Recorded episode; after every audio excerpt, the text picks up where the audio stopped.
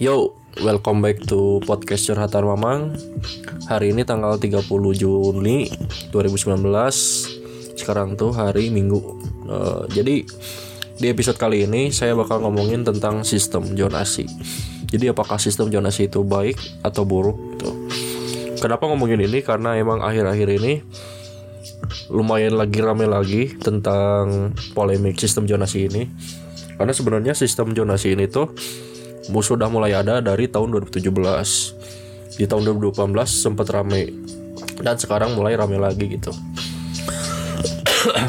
Eh, apa sih sistem zonasi itu? Nah jadi sistem zonasi itu sistem penerimaan peserta didik baru atau yang kita kenal PPDB dengan cara lewat zona. Makanya namanya sistem zonasi kayak gimana sih? Nah eh, sistem zonasi itu kalau dilihat dari angka persennya itu 90% tuh wajib menerima calon peserta didik yang berdomisili pada radius zona terdekat dari sekolah. Jadi 90% yang diterima tuh yang memang jarak radius eh, rumahnya dengan sekolah itu dekat gitu. Contoh misalkan cuman berapa kilo gitu dia kemungkinan diterimanya pasti tinggi gitu. Terus eh domisili calon pesertanya itu di, di- eh, berdasarkan alamat pada kartu keluarga yang paling lambat diterbitin tuh kalau nggak salah 6 bulan sebelum pelaksanaan PPDB terus 5 persennya itu didapat dari jalur prestasi. Lalu 5 persennya yang sisanya gitu dari alasan yang lain gitu. Contohnya kayak dia tuh pindahan dari kota B gitu ke kota A. Atau dia sebelumnya pernah terkena bencana alam atau kena musibah gitu ya jadi sistem zonasi itu kurang lebih seperti itu. Nah eh, ngomongin zonasi pasti ada dampak kan. Nah apa sih dampak dari zonasi ini? Yang pertama adalah eh, mungkin kalau di beberapa sekolah negeri itu biasanya kan suka netepin KKM ya. KKM tuh jadi nilai yang eh, maksim eh, minimalnya kalian harus eh, bisa lulus di mata pelajaran itu berapa gitu. Kan biasanya kalau di sekolah negeri itu nilai KKM-nya lumayan tinggi. Nah dampak dari adanya sistem zonasi ini adalah kan eh, sistem zonasi itu siswa yang masuknya rata-rata memang seba kebanyakan ya yang saya lihat tuh bukan orang-orang yang benar-benar berprestasi gitu. Kan biasanya kalau yang orang-orang prestasi itu masuk sekolah negerinya yang emang yang common gitu masuk ke sekolahnya. Contohnya dia S kalau orang-orang dulu mah nyebutnya sekolah favorit gitu. Nah dengan adanya sistem zonasi ini tuh itu mulai hilang. Sistem eh, sebutan sekolah favorit itu eh, mulai hilang. Kenapa? Karena ya sekarang eh, bayangin orang-orang yang belajarnya biasa aja dia bisa masuk SMP negeri dengan begitu mudah. Mudahnya gimana? Ya kalian minimal jarak rumahnya dekat ya udah kalian pasti keterima di sekolah itu. Mau berapapun nilai UN kalian ya peluang kalian masuk ke sekolah itu besar gitu itu dampaknya gitu. Menurut kalau menurut saya ya.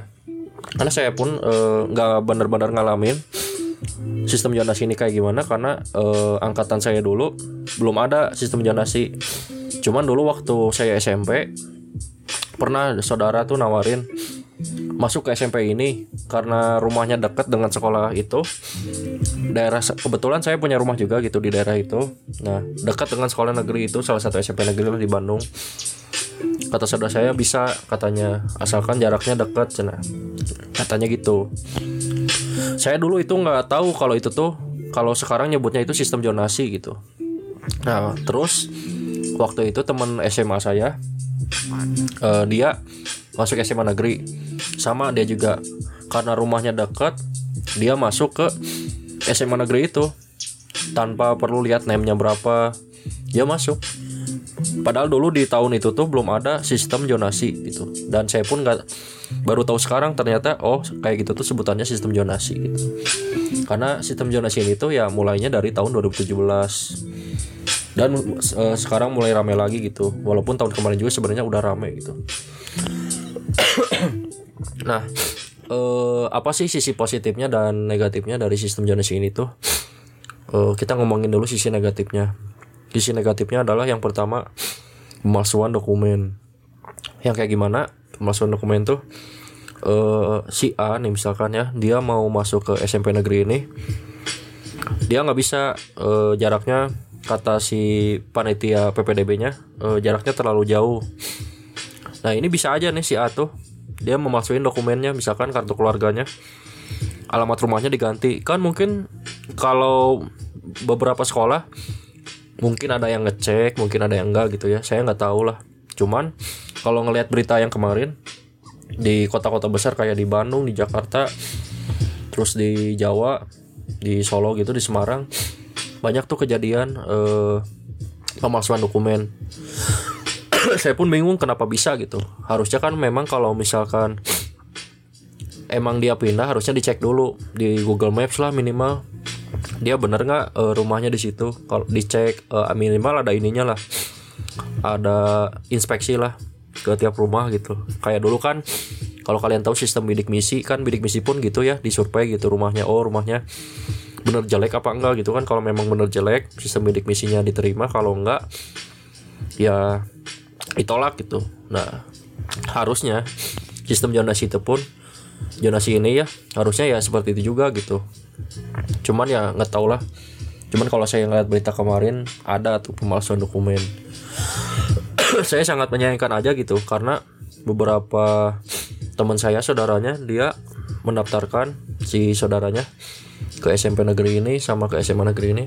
Gak keterima karena kuotanya udah habis gitu. Padahal dia jaraknya udah deket. Nilai UN-nya gede lah lumayan gitu. Tapi nggak keterima nggak tahu kenapa gitu. Entah kuotanya terlalu dikit atau gimana gitu saya juga bingung gitu. Nah selanjutnya pilihan sekolahnya itu masih dikit. E, masih dikit tuh kayak gimana? E, mungkin sistem zonasi ini tuh kalau di kota-kota besar lumayan efektif lah ya. Walaupun nggak efektif efektif banget gitu. Kenapa? Karena kalau kalian tahu di daerah-daerah kayak kabupaten atau di desa-desa gitu sekolah negeri itu terbatas. Jangankan sekolah negeri gitu sekolah swasta pun jarang gitu sekolah negeri apalagi jarang gitu. Nah ya itulah e, sisi negatifnya ya. Kenapa pilihan sekolahnya dikit gitu. Karena ya nanti kalau misalkan di yang di desa-desa gitu nih misalkan dia harus sistemnya jonasi susah juga. Di desa misalkan di desa itu cuman sekolahnya ada satu satu desa itu mendaftarkan ke sekolah itu. Akhirnya yang gak keterima karena kuotanya terpenuhi. Nah mungkin bingung juga orang tua para orang tua gitu ya mau ngedaftarin ke sekolah negeri mana lagi. Andaikan bisa ke swasta pasti mahal kan karena tau lah ya di Indonesia tuh tidak semua orang uh, punya uang gitu. Pasti ada beberapa yang ngandelin beasiswa atau apa buat masuk ke sekolah biar gratis gitu ya begitu. Terus yang selanjutnya adalah mental siswa tuh bakal turun. Kurang semangat belajarnya. Kenapa? Karena uh, yang sudah saya sebutkan tadi karena nilai KKM-nya setiap sekolah negeri kan beda-beda ya.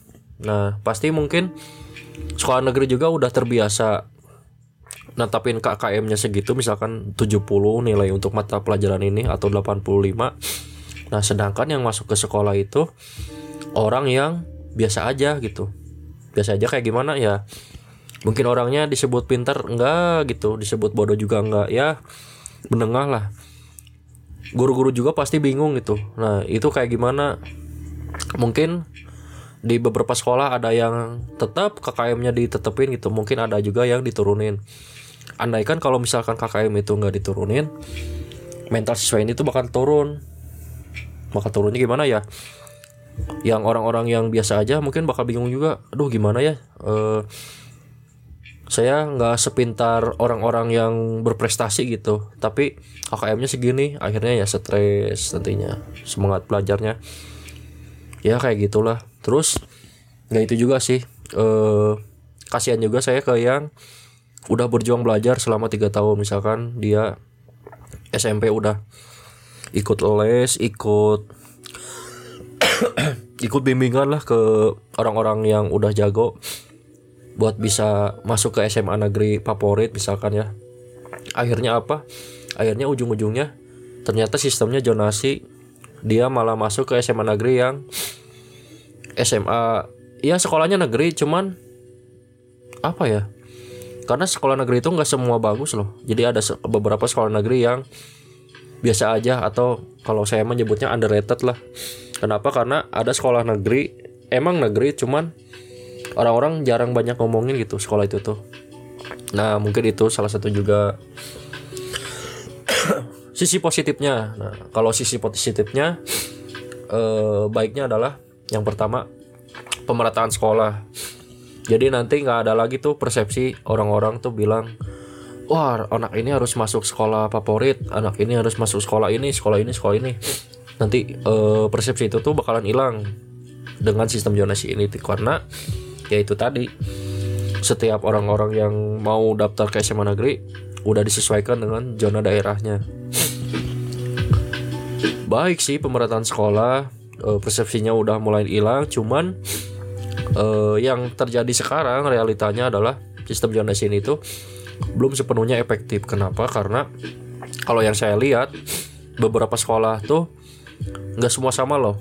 Negeri dulu ya, nggak bilang saya nggak bilang swasta, negeri. Walaupun itu sekolahnya negeri, kadang ada yang akreditasinya cuman B.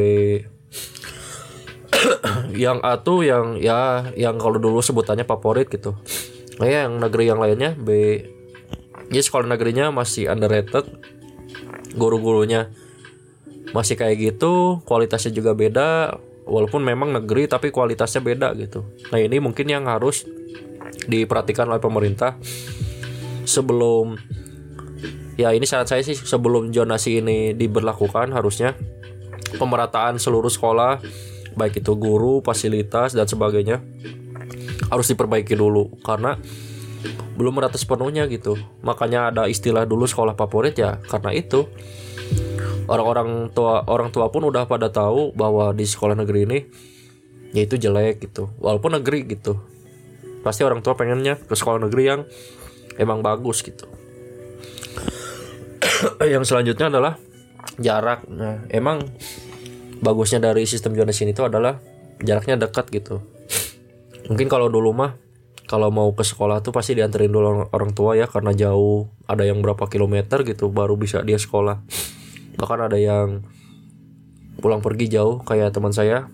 Teman saya rumahnya di Banjaran kuliahnya mah di Bandung gitu. Itu lumayan loh jauh dari Banjaran ke Bandung. Nah uh, itu tadi kuliah ya. Cuman ini kalau sekolah ya ini keren sih. Uh, pernah sih dulu ada kakak senior saya di SMK dia tuh rumahnya di Lembang sekolahnya di Bandung gitu. Ya saya salut aja gitu. Uh, dia kenapa nggak sekolah di sana gitu dibanding uh, malah lebih milih di Bandung? Ya mungkin karena dia juga tahu bahwa ada kualitas lah gitu. Nah jadi uh, kesimpulannya adalah apakah sistem zonasi ini tuh baik atau buruk? Kalau menurut saya baik. Selama selama uh, infrastruktur terus guru-guru dan tiap sekolah negeri yang udah tersedia sekarang harus merata gitu buruknya ya kalau sekarang ya pasti agak lumayan buruk lah kalau menurut saya mah. Kenapa? Karena ya sekarang lihat aja gitu realitanya. E, sekolah negeri itu fasilitasnya belum sama semua. Mungkin ada kalau kalian pernah dengar di beberapa sekolah negeri ada yang dia numpang buat ujian nasionalnya. Padahal itu sekolah negeri loh. Biasanya kan sekolah negeri punya lab sendiri gitu ya. Nggak pernah numpang ke sekolah lain. Nah ada beberapa sekolah negeri yang ujian nasionalnya numpang karena mungkin fasilitasnya masih terbatas padahal sekolah itu negeri gitu. Nah jadi e, gitu aja dari saya tentang sistem zonasi ini. Jadi apakah baik atau buruk? Kalau menurut saya baik. Selama e, pembangunan infrastrukturnya udah merata dari gurunya dari semua fasilitas yang ada di sekolah negerinya udah merata lah pokoknya. Kenapa? Karena kalau merata eh, oke okay, kita bisa sebut ini pemerataan sekolah yang baik itu. Tapi kalau untuk sekarang melihat kondisi sekolahnya yang masih kayak gitu kayaknya belum cocok sih sistem zonasi ini. Mungkin kalau mau memang benar-benar diperlakukan jangan langsung serentak nasional gitu. Tapi mungkin di beberapa provinsi dulu dicoba kalau memang bagus terus ada kelemahan yang bisa diperbaiki baru diterapkan di nasional gitu. Ya itu saja mungkin uh, dari saya. Semoga bermanfaat. Kalau kalian memang ada saran atau kritik silakan DM saja saya di Instagram @joseph_muhammad atau ke @curhatanmamang kalau ada kritik dan saran tentang podcast curhatan mamang bisa ke curhatanmamang@gmail.com sampai jumpa di episode berikutnya